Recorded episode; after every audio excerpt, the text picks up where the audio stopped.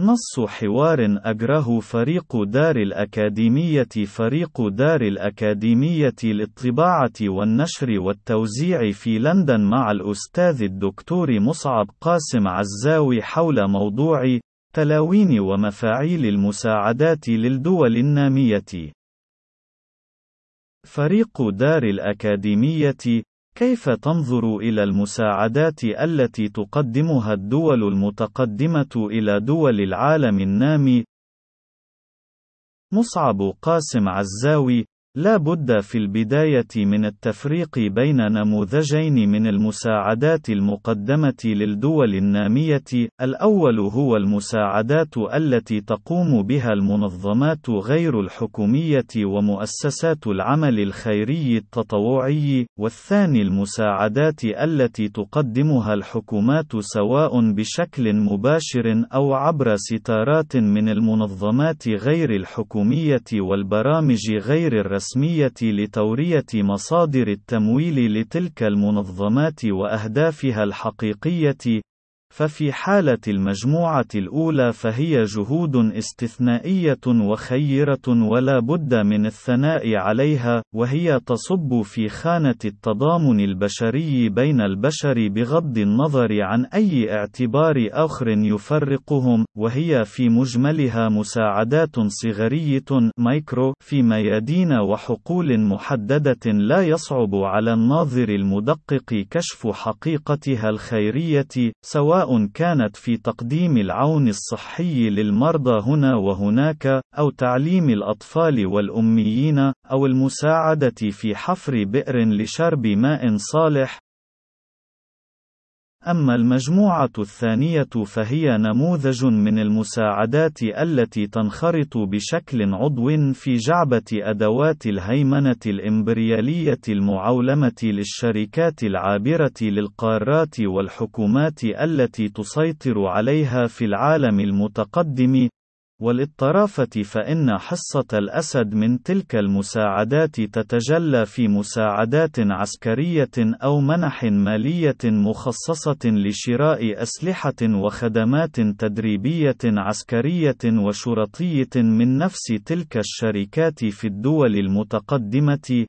وهو ما يعني أنها منح مالية من دافع الضرائب في العالم المتقدم لمجمعاتها الصناعية العسكرية التقنية الحاكم الفعلي في دول العالم المتقدم، بالإضافة إلى تحقيق هدف جانبي لا يقل عن ذلك الأخير أهمية، ويتمثل في بناء علاقات وروابط مع الأشخاص الفاعلين في البناء القمعية الأساسية في الدول النامية ممثلة بالأجهزة الأمنية والعسكرية في تلك الدول، كأداتين أساسيتين لإدامة الاستبداد والهيمنة عبر نظم النواطير على المجتمعات النامية ومواردها.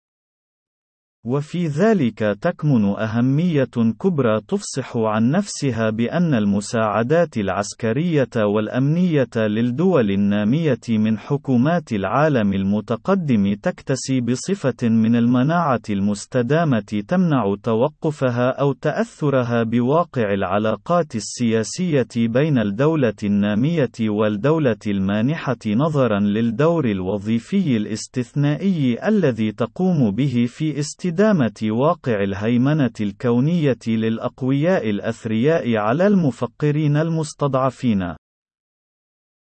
والتمظهر الفعلي للدور الوظيفي لتلك المساعدات يكمن في الإمساك بتلابيب الحل والعقد الأمني والعسكري في الدولة النامية، وهو ما سوف يعلم الناطور المكلف بشؤون رأس الدولة الأمنية عبر قرون استشعاره المخابراتية من استكناه أنه في حال انزياحه قيد أنملة عن دوره الوظيفي المناط به، فإن هناك الكثير من الانتهازيين المدربين في الأجهزة الأمنية المرتبطين بمموليهم ومدربيهم ومعلميهم في مراكز إدارة الهيمنة الكونية في مجتمعات الأقوياء جاهزون للانقضاض عليه وإزاحته والحلول مكانه في منصب الناطور الأول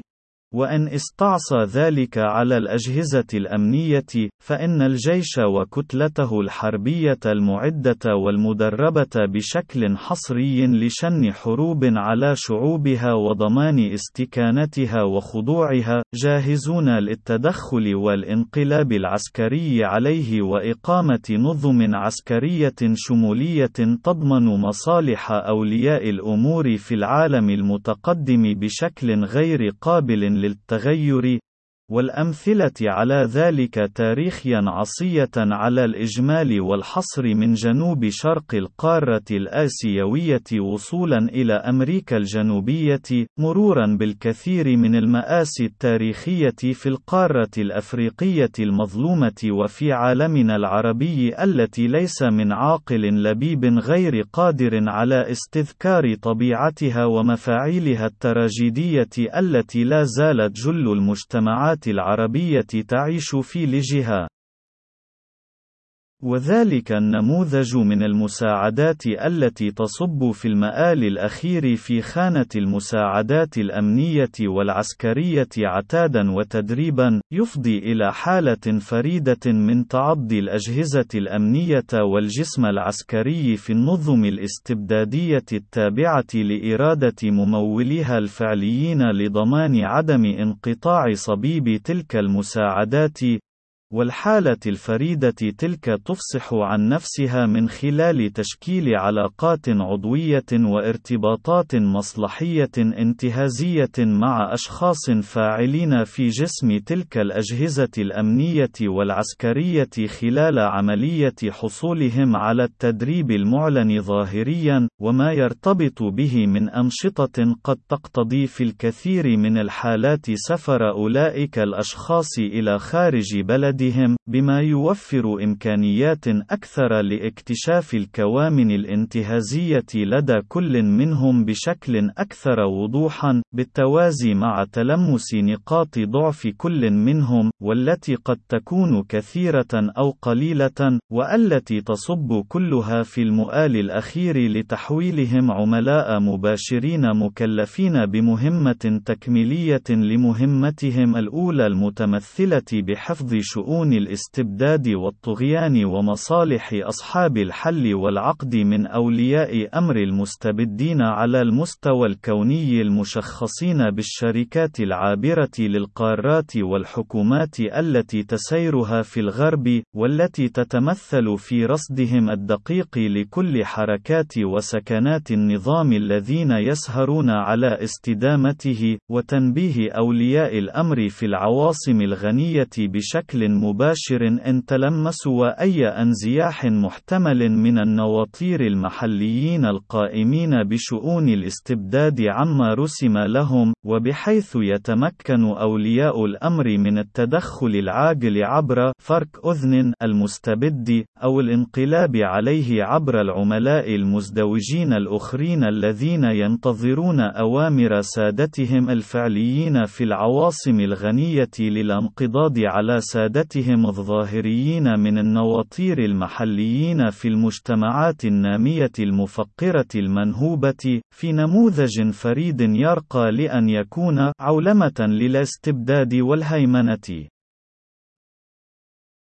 ومن ناحية أخرى فإن تلك المساعدات في الحيز الإنتاجي بشقيه الصناعي والزراعي تقوم بدور خطير، وثقه بدراسات وكتب عديدة المفكر الاقتصادي الرائد سمير أمين، والعالم الاقتصادي جوزيف ستيغلتيس، والمتمثل في تدمير الاقتصادات المحلية في الدول النامية، وخاصة الزراعي منها، عبر إغراق السوق المحلية في الدولة النامية بنتاج مهول من الدول الغربية بأسعار شبه مجانية، تؤدي في المآل الأخير إلى انعدام أي ربحية من الإنتاج المحلي لتلك المنتجات، وهو ما يقود فعليا إلى الإمساك بتلابيب قوت المجتمعات النامية بعد حين، والتي سوف يصبح قوتها وديمومة حياتها وحياة أبنائها ظاهرها مرتبطا بتعطف المانحين من دول السادة الأغنياء، والتي لا يمكن أن تكون دون اشتراطات سياسية تصب في مصلحة المانحين المتمثلة في الحفاظ على موقع الدول النامية كمصدر رخيص للمواد الخام، والقوة العاملة شبه المجانية، وكسوق مفتوح على أعنته لكل نتاج المجتمعات الغنية لتصريفه فيها دون أي ضوابط اقتصادية أو ضريبية لحماية صناعة وطنية قد تحاول تصنيع أو إنتاج ذلك المنتج محليا سواء كان صناعيا أو زراعيا. والأمثلة على تمظهرات الواقع الأليم السالف الذكر كثيرة في الحالة العربية المأساوية التي تحولت فيها الكثير من المجتمعات العربية من مصدر للنتاج الزراعي إلى المجتمعات الأخرى إلى مستورد شره ومنتظر بفارغ الصبر لتحنن السادة المانحين عليه. لا يجد ضيرا في الانحناء إلى درجة الانبطاح الانسحابي الانسحاقي لكل شروطهم المجحفة دائما وأبدا إذ دون رضوانهم جوع وفناء مجتمعات المظلومين المستضعفين التي يتغولون عليها نهبا وطغيانا وعسفا وقهرنا